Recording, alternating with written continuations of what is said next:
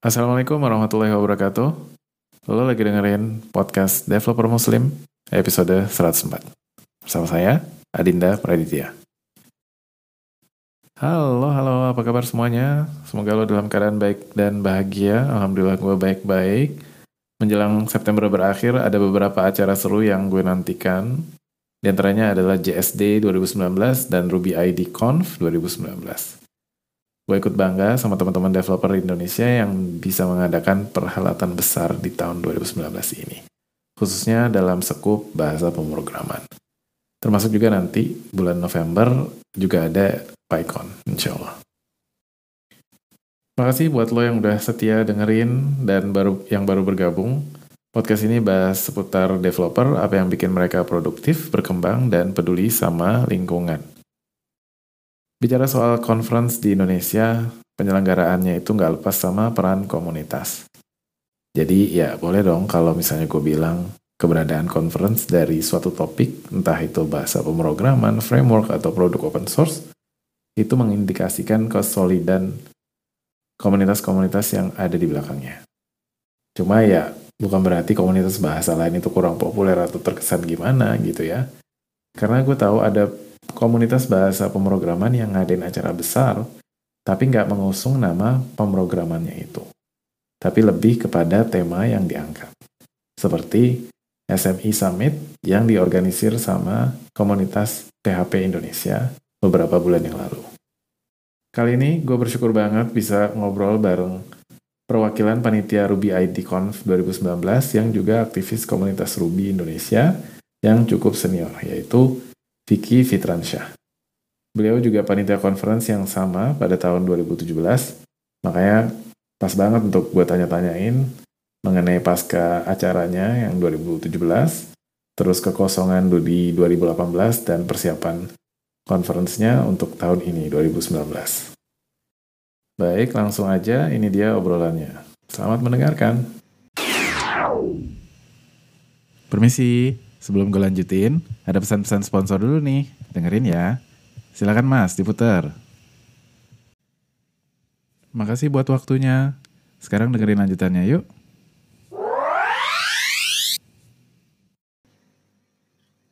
Oke, alhamdulillah gue udah terhubung sama Mas Fikri Fitransyah, Head of Software Development di Nexanet, pengurus ID Ruby uh, yang udah senior, anggota Perkodi dan panitia Ruby ID Conf 2019. Ya, silakan selamat datang Mas Fikri, silakan kenalin diri.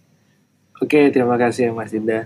Perkenalkan nama saya Vicky Fitransyah uh, saat ini sebenarnya saya kalau dari pekerjaan sih yang yang rutin saya lagi dalam masa transisi ya dari hmm. pekerjaan kemarin ke pekerjaan baru tapi yang saat ini memang sedang berjalan yang satu lagi yang head of software development di Nexanet kemudian ya basically saya uh, lulusan dari Unpar uh, hmm. Parahyangan Bandung itu uh, lulus Januari 2007 dari computer science bachelor degree setelah itu malah melintang di dunia development dengan pertama pakai PHP sih. Dulu masih pakai PHP. Uh. Kemudian oleh uh, Walden Global Services uh, dulu hmm. namanya Kirana Tama diperkenalkan dengan Ruby. Uh, yeah, ya, yeah, terus ya selanjutnya kita kelanjutnya saya ya sampai sekarang masih pakai Ruby. Kemudian ya aktif di Perkodi, uh, di, di Ruby yang part of Perkodi dan kita sekarang lagi mencoba inisiat membuat uh, Ruby ID Conf 2019. Oke okay, oke okay. sip sip sip. Oke okay, guys dulu uh, apa salah satu yang kayak software house yang benar-benar pakai Ruby, maksudnya percaya banget sama Ruby ya. Mm-hmm. Benar nggak sih? Yeah. Benar. Jadi kalau bisa dibilang ketika belum tren ya, saya bilang belum tren oh, uh, di Indonesia yeah. di Asia Tenggara lah mungkin. Kebetulan owner dari si WGS ini termasuk orang yang cukup ini sama cutting edge technology terus dia ngelihat yeah. pasarnya bagus dari US macam dia pengen jadi early adapter di Indonesia hmm. uh, dia coba and it works uh, bisa bisa dibilang kita uh, WGS waktu itu masih kira Tama sih itu one of yeah. the biggest outsourcing company di Southeast Asia lah kalau saya boleh bilang yang abuse yang abuse yang menggunakan Ruby dan punya programmer cukup banyak untuk di satu perusahaan ya program Ruby puluhan lah. Hmm. Ya ya ya ya. ya. Benar. Sampai kayaknya waktu conference ke mana Amerika RubyConf apa RailsConf itu ke sana ikut ke sana itu ya? Iya, salah satu CTO kita pernah dikirim uh, untuk di RubyConf yang di US kalau nggak salah. Oke, okay, oke. Okay. Sip, sip, sip. Iya, iya, iya. Oke. Okay. Ya, dulu waktu mungkin kita karena udah pernah dibahas uh, sebelumnya di episode berapa 23 kalau nggak salah untuk RubyConf 2017. Dulu jadi panitia juga ya? Atau dulu jadi apa? MC ya? Atau gimana? Dulu yeah. keterlibatannya apa? Dulu dari persiapan dari awal sih, uh, kalau misalkan MC kan cuma hari hanya doang. Tapi dari hmm. persiapan dari pertama, dari mulai kita start initiating apa brainstorming idea segala macam sampai akhirnya kita bagi-bagi bagian apa bagian apa sampai hari H. Cuman pas hari H hmm. saya dinobatkan jadi MC uh, sama anak-anak dan saya pun bersedia ya udahlah gitu. Hmm. Ya, ya kayaknya eh, itu apa namanya MC-nya lumayan bagus banget meskipun apa namanya nggak kayak nggak terpengaruh sama apa ya nggak terpengaruh sama kondisi kondisi apa ya apa istilahnya kondisi audiens kondisi ya. venue oh kondisi hmm. audiens justru yeah, kan yeah. kita setuju kan menurut saya MC mestinya bisa untuk ini ya build up the audience gitu ya interest hmm. mereka segala macam ya yeah, yeah. I try my best lah gitu iya yeah, iya yeah. Nggak, soalnya kayaknya yang gue sadar kalau gue pertama kali ketemu adalah waktu meet up Ruby kemarin gitu. Jadi berapa dua pekan yang lalu ya? Iya ya awal akhir Agustus ya. Hmm. Iya waktu itu emang apa namanya ya yang datang nggak terlalu banyak mungkin karena bentrok uh, dengan komunitas lain uh, atau juga nggak tahu lah itunya. Tapi uh, acaranya benar-benar masih hidup. Maksudnya uh, lo sebagai MC itu masih apa namanya bisa ini kan maksudnya jadi nggak jelek-jelek banget lah gitu. Jadi uh, kayaknya kesadaran itu juga kayak masih masih kurang gitu di di sini di Indonesia iya Iya, jadi makanya gue jadi ter, uh, tertarik untuk mengundang lo untuk bicarain Ruby Conference di Indonesia. Siap. Ya, jadi kalau misalnya dari 2017 itu kan uh, yang gue ingat itu kan uh, uh, itulah cikal bakalnya Perkodi ya. Mm -hmm. Bisa dibilang seperti itu ya. Iya, iya. Kira-kira dari dari situ ada yang bisa diceritain nggak? Jadi kalau perkodinya sendiri sih sebenarnya nggak ada apa ya, nggak ada intentional untuk ke konfnya ya. Jadi uh. kan perkodi sendiri pengrajin kode Indonesia. Jadi yeah. kita tuh memang pengen bikin satu wadah dan kita uh, uh, untuk bisa jadi gini, untuk bisa bikin konf kita uh, ada penggalangan dana. Dan untuk penggalangan dana ini banyak pihak yang pengen istilahnya mereka ingin do the business dengan something legal. Oh, nah, iya. kita berarti mesti punya satu mesti punya satu organisasi yang walaupun itu bersifat social organization tapi uh, punya wadah, punya punya legality. Nah, hmm. Nah, setelah kita rembukan, kita bikinlah semua uh, daripada kita cuma bikin buat Ruby doang nih. Yeah, kenapa yeah. kita bikin buat Perkodi? dengan tujuan nanti siapa tahu ke depannya bisa memayungi gitu, mewadahi ya kan uh, apa programming language yang grow up di Indonesia nggak cuma Ruby yeah, iya, uh, yeah. kita bisa juga untuk mem, apa memayungi lah uh, yang lain uh, selain Ruby. Nah, kalau ID Ruby sendiri kan udah jalan lama nih. Kita memang udah yeah. biasa meet up segala macam. Jadi kita cetuskan, uh, jadi kita uh, terutama yang apa member-member yang udah lebih lama di ID Ruby mencetuskan perkodi ini.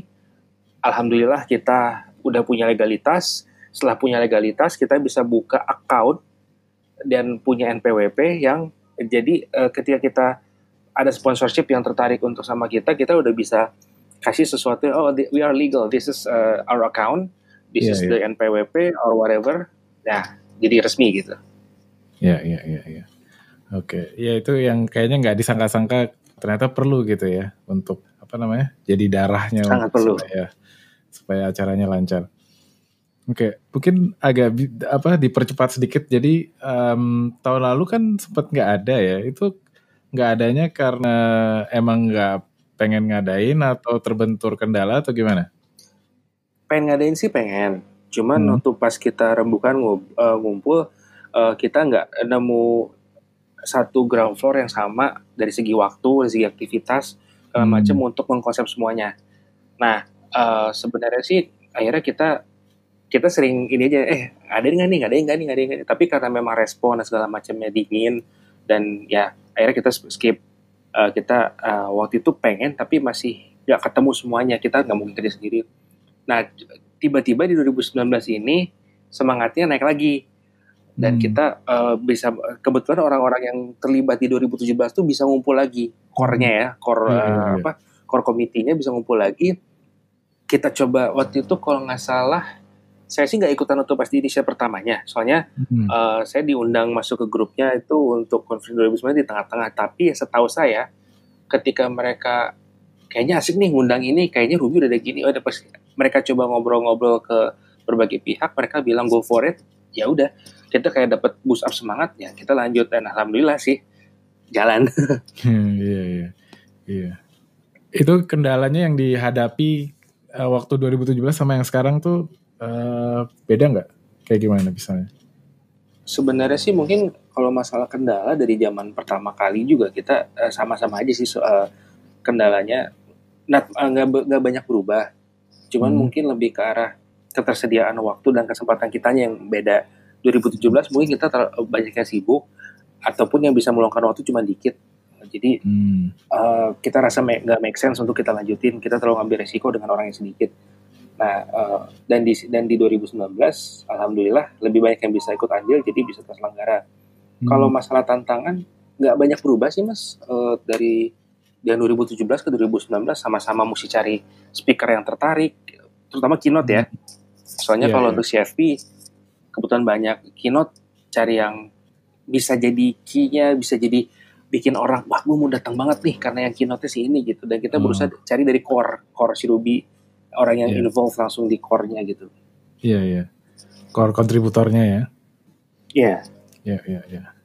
Dari jadi kalau dari perkodinya sendiri itu mengalami ini gak sih? Apa? Kayak perubahan peran gitu dia jadi lebih maksudnya nggak sekedar memayungi kegiatannya. Ada nggak peran lain gitu misalnya? Mungkin asisten asisten tertentu kayak bantuan bantuan tertentu gitu misalnya.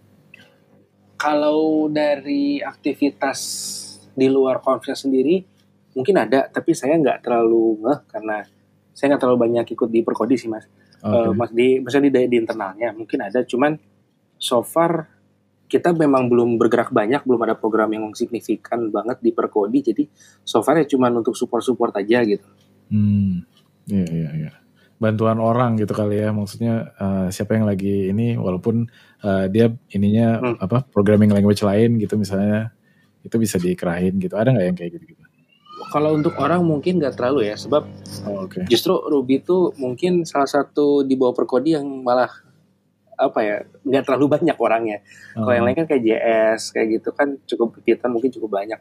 Kita uh, uh, ibarat kata lebih saat ini sih masih baru sebagai naungan, jadi belum ada oh bantuan orang atau bantuan apa belum sih. Tapi kita ke depannya pengen lihat gimana cara bisa memaksimalkan perkodi ini gitu. Oh iya. Enggak maksudnya ya karena justru di di Ruby sedikit gitu. Jadi mungkin uh, orang-orang yang dari Perkodi yang uh, bagian dari JS community misalnya atau Python itu juga jadi bisa uh, nimbrung gitu. Enggak enggak kayak gitu. Belum sampai ke situ atau gimana? kita sih sebenarnya kalau nimbrung kita selalu welcome ya kita nggak pernah batasin oh datang harus orang Ruby lagi enggak maksudnya orang JS orang Python orang mana bebas uh, datang gitu hmm, okay. cuman memang belum pernah ada satu momen di mana kita butuh apa cross community yang di bawahnya Perkodi untuk uh, kayak kayak sekarang mungkin kita kerjasama karena kita udah dapat venue-nya yang bagus jadi JS JSD ikutan di hari sebelumnya gitu hmm. aja tapi belum ada satu apa ya program atau aktivitas yang cukup signifikan yang menunjukkan oh Perkodi itu ini salah satu manfaatnya untuk uh, bridging antar uh, apa namanya komunitas yang lebih spesifik gitu. Hmm, Oke. Okay. Gimana kesan-kesan jadi panitia RubyConf? Yang pertama exciting sih, exciting karena untuk event skala internasional kita udah pernah bikin dan kita ini yang kedua dan kita ibarat kata uh, sama seperti ini sih uh, ibarat kata kalau kita ke kehidupan yang umum ya misalkan orang yang suka sepak bola dia ngefans sama satu pemain sepak bola terus tiba-tiba ada orang yang ngelain event di dekat dia yang bisa bikin dia ketemu sama orang itu oh, gitu. Ah, iya, iya. Ini salah satu yang bikin kita seneng gitu. No, no. Ya, misalkan ya Mas, oh, fansnya Ronaldo, tiba-tiba ada orang yang bikin acara event bisa meet and greet Ronaldo di event itu, ya mungkin dia bakal tutup mata soal harganya ya. ya yeah. di sini mungkin Nah di sini mungkin uh, kita lebih uh, kita pengen buat mereka-mereka memang exciting sebagai user dan pengguna pendevelop aplikasi menggunakan Ruby sehari-harinya terus tiba-tiba wah ini yang selama ini gue pakai nih buat uh, melakukan banyak hal yang luar biasa tiba-tiba ada kesempatan untuk ketemu salah satu core-nya nih, satu yang bikinnya hmm. nih. Yeah, ya, yeah, yeah. apa atau misalkan contoh lain lah, mungkin kalau dibilang IT kita, oh kita penggemar berat Windows, tiba-tiba ada kesempatan buat ketemu Bill Gates misalkan. Oh, yeah, yeah, nah, yeah. something like that lah. Yeah. Kita pengen nemuin euforia aja ke arah situ sih, soalnya selain itu yang ditawarkan yang di RubyConf ya lebih ke arah networking sih. Oke, balik hmm. lagi ke pertanyaannya udah agak ini. Exciting sih pasti, uh, karena saya uh, termasuk orang yang seneng ini ya berorganisasi kebetulan, terus kita kumpul orang-orang yang istilahnya bisa ngebuktiin bahwa kita tuh bukan cuma sekedar nerds yang tahu di belakang laptop, tapi kita juga bisa doing something yang sifatnya uh, mungkin lebih ke arah ini kan social activity ya, bukan yeah, yeah. individual activity, dan kita bisa untuk memaksimalkan apa potensi masing-masing kita gitu yang ternyata kita tuh nggak cuma jago di coding loh, kita bisa bikin juga seperti ini gitu. Iya, yeah, iya. Yeah.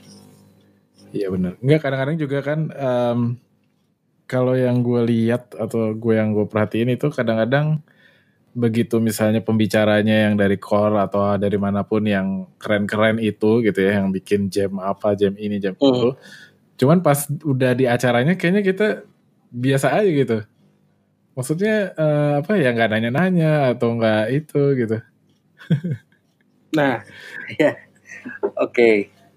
sebenarnya ya ya itu sih makanya kita uh, PR sih, ini PR besar kita untuk ini antusiasme mereka. Tadinya sih mungkin uh, kita berpikir orang ini orang-orang ini mestinya nanya loh, karena mereka kan ke sini bukan yang kayak meet up bulanan yang free, mereka yeah. bayar, bahkan mungkin di luar kota, jauh-jauh ke sini ketemu ini orang yang jadi bintangnya di Ruby, kenapa nggak sekalian nanya gitu? Yeah. Saya sih kemarin berharapnya ketika sesi discussion kita buka rebutan mereka mungkin atau antusias segala macam tapi saya nggak tahu ya apa mungkin karena uh, materi yang disampaikan in deep terlalu deep jadi mereka ternyata uh, lost in translation gitu yeah. ini apa gitu mungkin kan hmm. atau apa pun tapi ya itu masih PR besar kita sih mas uh, gimana caranya untuk mereka exciting tapi dari point of view yang lain dari sudut pandang si pembicara mereka tuh seneng gitu karena oh ternyata ada di Indonesia cukup antusias ya cukup banyak yeah. ya cukup ah yeah yeah. kayak gitu-gitu. Nah itu itu sebenarnya bisa build up semangat. Uh, apalagi ternyata setelah itu di medsos masing-masing speaker waktu pas 2017 tuh banyak update mereka. Mereka posting fotonya, posting video yang kita upload ke YouTube. Itu kan, oh wah ternyata Indonesia di highlight sama mereka gitu. Yeah, yeah. Nah itu bikin senang juga sih. Tapi masih, tapi benar sih yang Mas bilang itu masih jadi PR kita untuk meningkatin antusiasmenya. Iya, yeah, iya. Yeah. Oh ya, terus kan kalau kayak gitu kan kita juga buat yang kepengen jadi apa panitia gitu supaya bisa me, apa merasakan dan ya ikut juga capek tapi yang kerja capeknya itu terbayarkan dengan apa namanya kita harus ngurus-ngurus dan ketemu sama uh, bintangnya di Ruby gitu itu gimana sih rekrutmen untuk bantu-bantu gitu untuk conference ini? uh, ini juga mungkin salah satu yang perlu di ini ya di enhance yang PPR juga. Yeah. Kebetulan waktu pas dari volunteer yang 2017 tuh di grup itu masih pada ketemu dan kebetulan dengan orang yang sedikit tuh kita masih bisa jalan untuk di uh, pre acara ya sebelum acara.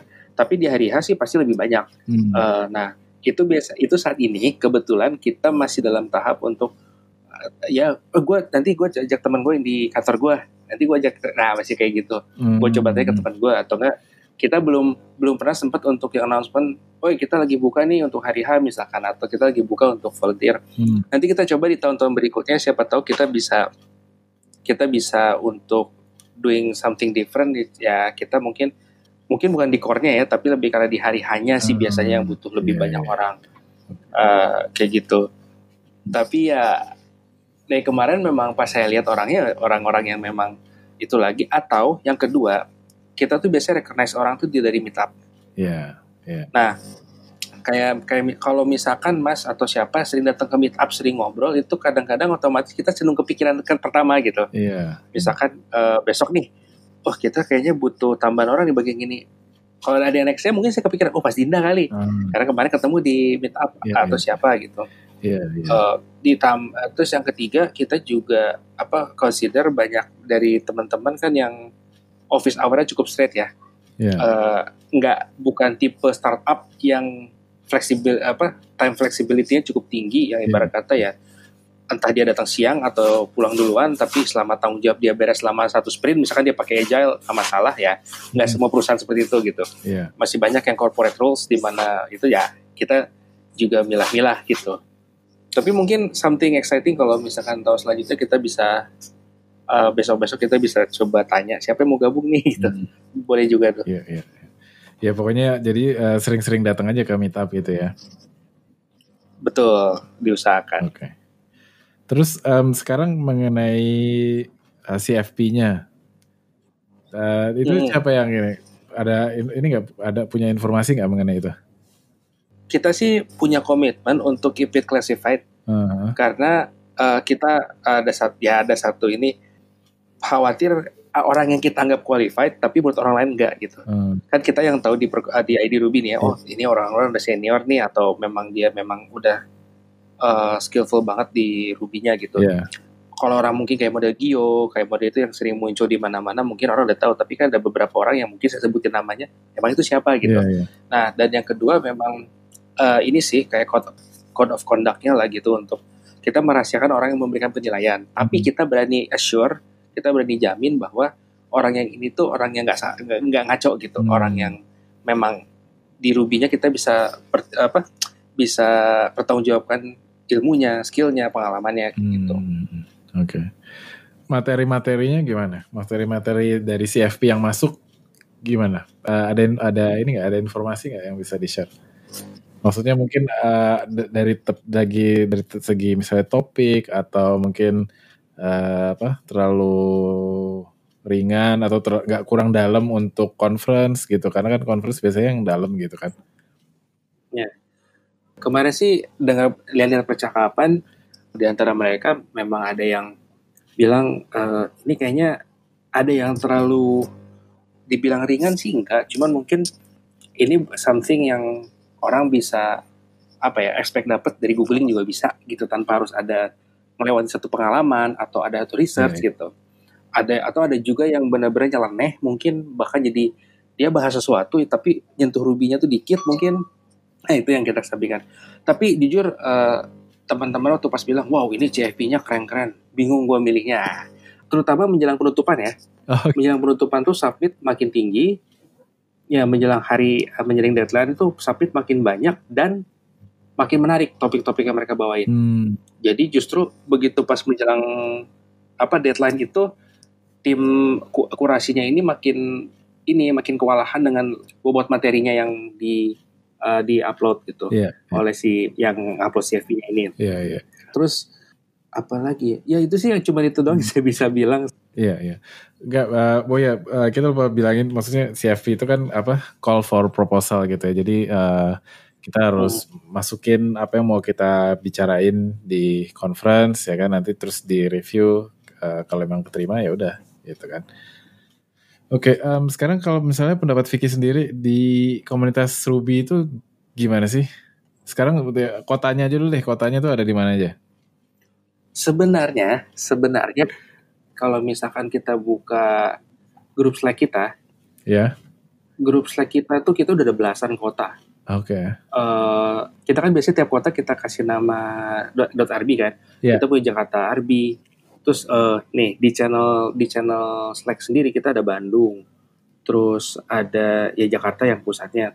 Terus ada yang malah sempat ada Medan, ada yang Padang, ada yang eh banyak dan mereka bikin subgroup untuk di apa? Ya misalkan Bandung, Bandung.rb, Jakarta, Jakarta.rb, Surabaya, Jogja itu semua ada. Hmm, Cuman itu memang kita belum ada konsolidasi nasional yang cukup bagus, wah bahasanya berat, yang istilahnya bisa membuat gaungnya jadi wah di, di kota di tiap tapi di tiap kota ada.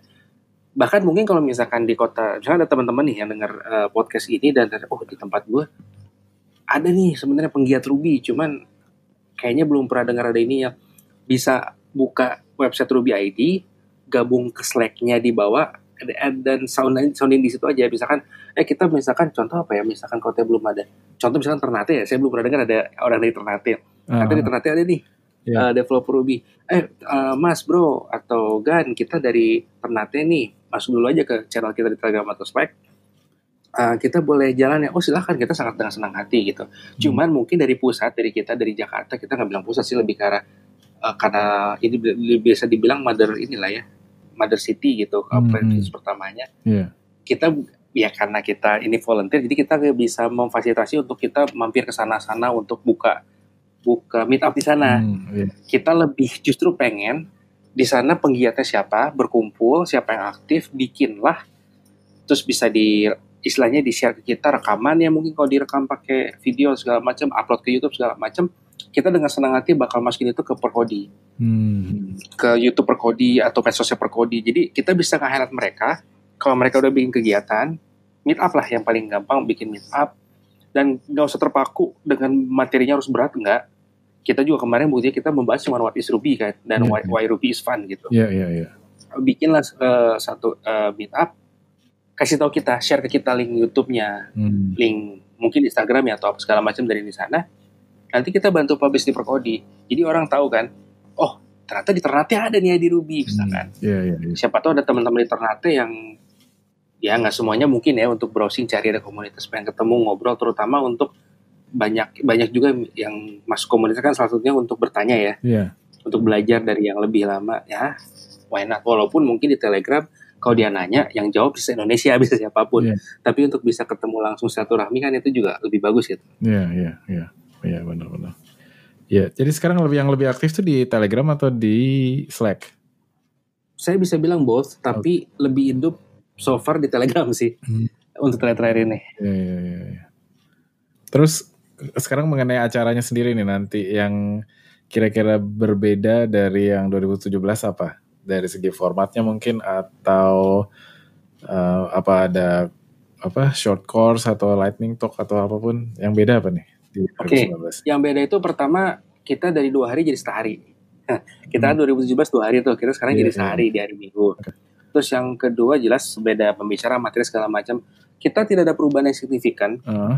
karena uh, kalau saya bilang cuma jumlah hari, tempat dan segala macam itu kita bukan perubahan inter, uh, core ya, yeah, yeah, yeah. secara inti. Secara konsep masih sama, secara hmm. bentuk masih sama, yeah. secara rundown masih sama ya namanya conference gitu ya what can you say uh, what can you expect different gitu yeah. cuman kita memang uh, maksud dari kita yang paling utama adalah kita bisa menghadirkan keynote yang cukup wow Hmm. Jadi dari si Akira Matsuda sendiri dan Ryan Big sendiri kan memang udah dua yang punya nama. Nah itu yang kita mungkin bisa feel the different tahun lalu siapa, eh 2017 siapa, 2019 siapa. Tapi yeah. sisanya format segala macam still the same. Hmm. Ya. Yeah. Keren keren. Iya itu aja udah apa namanya ya pencapaian tersendiri juga kan ya. Iya alhamdulillah. Iya, apalagi dengan apa namanya harga yang miring banget, kayak nggak ada tuh conference di, dunia yang nah. harganya tuh segitu gitu. Nah, nah. itu dicatat mas satu satu poin yang gede itu hmm. harga yang cukup miring untuk menghadirkan bintangnya langsung loh ya, hmm. bukan orang second tier atau third tiernya ya. Iya. Bukan miring lagi tidur kali. Ya. Hampir tidur gitu. Ya ngomong-ngomong kalau kayak gitu kan kalau sit up kayak gitu kan lebih susah kan? Nahan gitu nggak nggak tidur nggak duduk gitu kan? Iya sih. Ganteng. Hubungannya jadi ke sana tuh. Iya iya iya. Terus um, nggak gue ada ke kekhawatiran gitu kalau misalnya gimana sih memastikan kalau misalnya tahun depan tuh akan ada lagi itu apa aja ininya? Entah itu wanti-wanti atau apa ya usaha kita gitu supaya nggak nggak nggak ada gap lagi lah gitu. Sebenarnya sih kalau pembicaraan untuk masalah ke sana belum ada. Hmm. bahkan kita pun masih kadang-kadang suka asking ourselves gitu kita 2017 kenapa nggak jadi sih sebenarnya? Gitu loh. Hmm. masih suka bertanya-tanya juga gitu. Yeah, yeah. tapi anyway menurut saya sih nggak ada resep khusus ya. Karena apa yang kita lakuin ini kan uh, bukan something yang achievement yang memang ada target, ada milestone dan harus terjadi gitu. Uh-huh. Kita cuman berharap, kita lebih karena berharap sih, kita lebih ke berharap semoga di tahun-tahun selanjutnya kita punya atau uh, kita punya tetap kesempatan dan waktu dan apa tenaga yang sama untuk bisa berkumpul atau bahkan lebih banyak lagi yang bisa join gitu. Hmm. Itu yang pertama. Yeah. Yang kedua, kita punya ide lebih brilian lagi untuk attract more audience.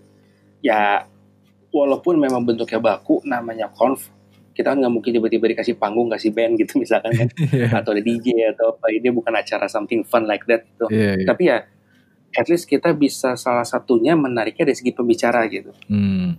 Siapa tahu kita bisa lebih menarik pembicara yang lebih wow lagi mungkin uh, matchnya sendiri si pencipta Ruby-nya sendiri begitu yeah. didampingi sama DHH mungkin pencipta pencipta rasanya udah udah lengkap gitu kan. Yeah, yeah, sekalian aja yang yang bikin Padrino yang bikin Roda sekalian. Wah itu lagi. Nah effort kita lebih ke arah sana sih. Yeah. just in case ditanya resep khusus kita sih nggak ada satu resep karena memang kita nggak punya masa pasti. Oh tiap tahun kita harus jadi ya. Hmm. cuma kita tiap tahun kayak eh kita bisa bikin bikin nggak sekarang? Oke kita coba deh kita bahkan teman-teman yang rajin ngefollow dan ngelihat medsosnya para para apa Ruby dan Rails committer mm-hmm. yang maintainer yang core-nya itu kadang-kadang eh tar dulu jangan kontak si ini dia baru beres uh, dia kemarin mau diundang ini katanya mau diundang ini lagi mau diundang mm-hmm. di sini kok di sana kayak gitu iya yeah, iya yeah, iya yeah. ya kita sih ya apa ya nggak punya lah nggak punya ini sih kita cuman berharap ya selanjutnya kita punya satu momen satu time frame window yang cukup efektif eh, dan bagus untuk semuanya bisa berkumpul bikin lagi gitu. Iya iya. iya. Kalau kalau gue boleh kasih motivasi mungkin. oh terima kasih. Silakan silakan. Iya jadi kan kalau kita mau kayak bukan maksud berkompetisi gitu kan, tapi mungkin kita bisa lebih uh, berbangga sebagai uh, suatu negara yang bisa ngadain tetap ngadain uh, RubyConf di regional kita gitu di Asia Pasifik di, di Asia Tenggara gitu kan. Betul betul. Kan uh, ya tahun tahun ini dan tahun kemarin kan Singapura nggak ngadain gitu ya. Hmm. Ya jadi uh, tahun 2018 Malaysia ngadain. Uh, jadi mungkin ada sedikit itunya juga gitu. Um, ketika misalnya tetangga-tetangga lain itu nggak ada yang jalanin ya kan kita bisa jadi uh, apa ya lebih sedikit terlihat lah gitu di di mata dunia untuk uh, untuk komunitas Rubinya gitu. Wah, benar Mas tuh. Ide bagus tuh. jadi jadi termotivasi gitu. Kadang-kadang kita kan yeah. suka apa namanya? Ya ada lah yang kayak gitu-gitunya gitu dibanding apa tetangga-tetangga negara-negara tetangga gitu kan. Mm -hmm. Ya kita bisa um, termotivasi dengan eh kita bisa one step ahead loh dari negara tetangga yang mungkin tahun ini nggak bikin yeah, yeah. atau mungkin kita jadi pemicu oh Indonesia bisa loh bikin masa kita nggak bisa gitu kan mm-hmm. itu cukup membanggakan juga sih tuh jadi satu motivasi iya yeah, iya yeah. um, apa namanya mungkin sedikit informasi kemarin uh, ya kemarin baru-baru inilah baru-baru ini gue datang ke meetupnya Singapura Ruby Meetup Singapura ya mereka udah mulai mengumumkan kalau apa sounding lah gitu tahun depan mau ngadain conference gitu di Singapura. Jadi uh, ya udah mau siap-siap lah udah mulai di sounding dari ininya dari komunitasnya gitu. Hmm, Jadi keren keren. Ya. Ya kita doain aja kita support. Iya. Oke. Okay. Ya ap apalagi nih yang kira-kira belum dibahas mengenai RubyConf? Sebenarnya gini sih, ada satu beberapa ada beberapa kali sih namanya pertanyaan teman-teman benefitnya apa sih gue ikut Rubicon? Yeah. Banyak kayak gitu. Saya sih jujur kalau misalkan ditanya gitu, sebentar dulu yang yang dimaksud benefitnya apa? Kalau secara finansial jelas enggak. Yang ada lu keluar duit buat beli tiket, bahkan kalau di luar kota lu mesti ke Jakarta. Betul. Uh, terus ke benefit dari segi uh, apa lagi? Yang pokoknya bersifat-sifat ada something yang lu dapat berupa fisikal itu mungkin nggak ada ya. Ya dapat kaos, dapat nentek, mungkin dapat kelihat apa dapat tapi yang saya tekankan di sini konf itu saya pribadi melihat ini sebagai satu acara untuk satu melebarkan network. Yeah. Kita uh, dalam beberapa kesempatan saya uh, dapat cerita bahwa ada teman-teman yang ketika ketika di konf itu ketemu sama uh, audiens lain, mungkin saya sebagai datang sebagai Ruby developer ya. Yeah. Tapi siapa uh, tapi kita nggak tahu kan, siapa tahu tamu-tamu lain tuh ada CTO, ada CEO, ada orang yang bikin start baru bikin startup, dia pengen lihat panasnya Ruby gimana, Yeah. ani, apa animonya Ruby. Terus ngobrol sama kita, tiba-tiba dia ngerasa oh, ini orang bagus nih buat di perusahaan saya, misalkan Hmm, ya. iya. Eh, salah satu bentuk networking yang direct istilahnya bisa jadi dia balik ke istilahnya berkeluarga conference dia kontak HR-nya lu bisa nggak eh, kontak si ini gue kayaknya tertarik untuk ya mungkin satu bagian udah kelewat bagian interview Iya. Eh, dengan user ya. Kan biasanya kita kalau kayak gitu ada di interview dengan HR ada di interview dengan user ya. Mungkin si user udah ngerasa nyaman sama nih orang. Bisa jadi kan dia nanya-nanya oh anda pengguna Ruby? Ya selama ini anda gimana gimana coding Ruby?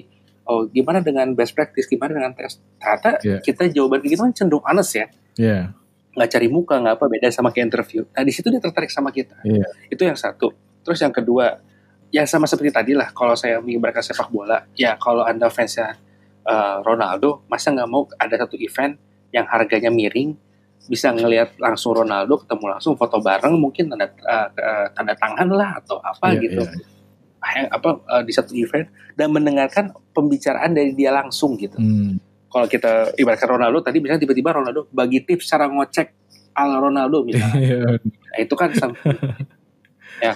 Terus yang ketiga itu lebih ke arah kepedulian sih. Kita ini yang ada di Perkodi dan di Ruby itu kita berkumpul karena kita peduli. Iya. Kita peduli untuk uh, kita sebagai programmer nggak nggak bisa lepas juga dari fakta bahwa kita manusia. Manusia itu makhluk sosial Iya. kita perlu untuk berkumpul bersilaturahmi untuk sharing itu nggak cuman di telegram gue copy paste error gue terus ada yang bisa bantu nggak gitu tapi kita mungkin ngobrol ketemu langsung kayak kayak ya kita nggak tahu silaturahmi itu eh, bawa kita ke mana gitu Iya. iya. Iya. bisa jadi suatu saat atau mungkin selain rekrutmen kita bisa tiba oh ya oh mas lagi bikin ini ya saya juga tertarik tuh bikin kayak gitu tiba-tiba jadi punya satu kerjasama bikin startup baru who knows Uh, Iya. Jadi gini, sebenarnya benefitnya kalau saya ceritain seperti ini, itu yang saya rasain. Hmm. Kalau teman-teman pengen tahu sendiri, saya sih lebih lebih bilang datang dulu aja, Hmm. gabung dulu aja. Jadi eh, untuk eh, datang ke Conf Town ini, Ya. feel the atmosphere, teman-teman sendiri yang bakal menilai gitu. Oh, gue dapet ini di sini, gue dapet itu di situ. Iya. Iya. Ja- dan jangan pernah ngomongin soal oh guru gini keluar duit cuma ngeliat orang ngomong berapa jam terus gini gini gini kalau ya itulah mungkin yang apa mungkin point of view atau motivasi dia datang ya mungkin komersil atau apalah tapi kalau lihat dari sisi lain dari seorang programmer yang mungkin sehari-hari cuma di depan laptop segala macem yang itu kan memfasilitasi ketemu dan jangan salah itu yang CFP CFP itu nggak semua di Indonesia ada yang dari Australia kalau nggak salah yang lolos tuh ada yang dari India Iya. Iya.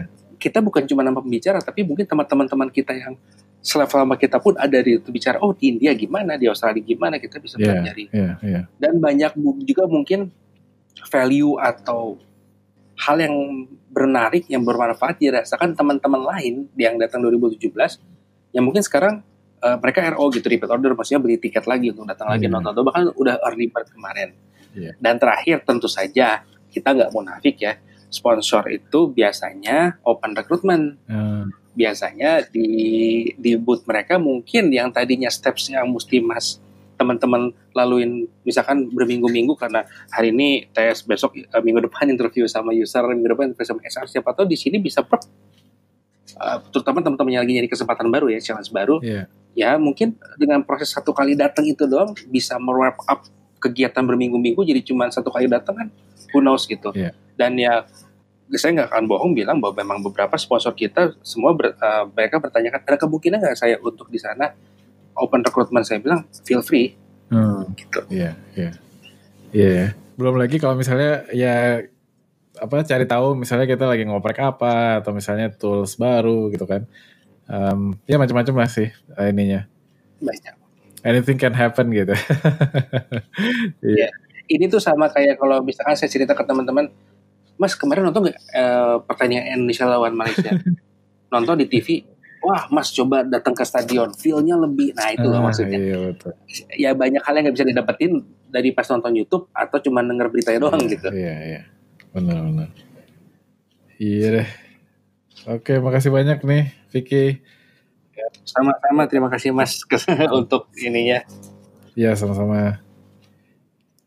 Baik, itu tadi obrolan gue bareng Vicky Fitransyah, aktivis komunitas Ruby Indonesia dan anggota Perkodi. Semoga menambah wawasan dan membuat kita lebih menghargai peran komunitas buat kita semua. Dengan begitu, kita akan lebih menikmati dan merasa memiliki acaranya nanti.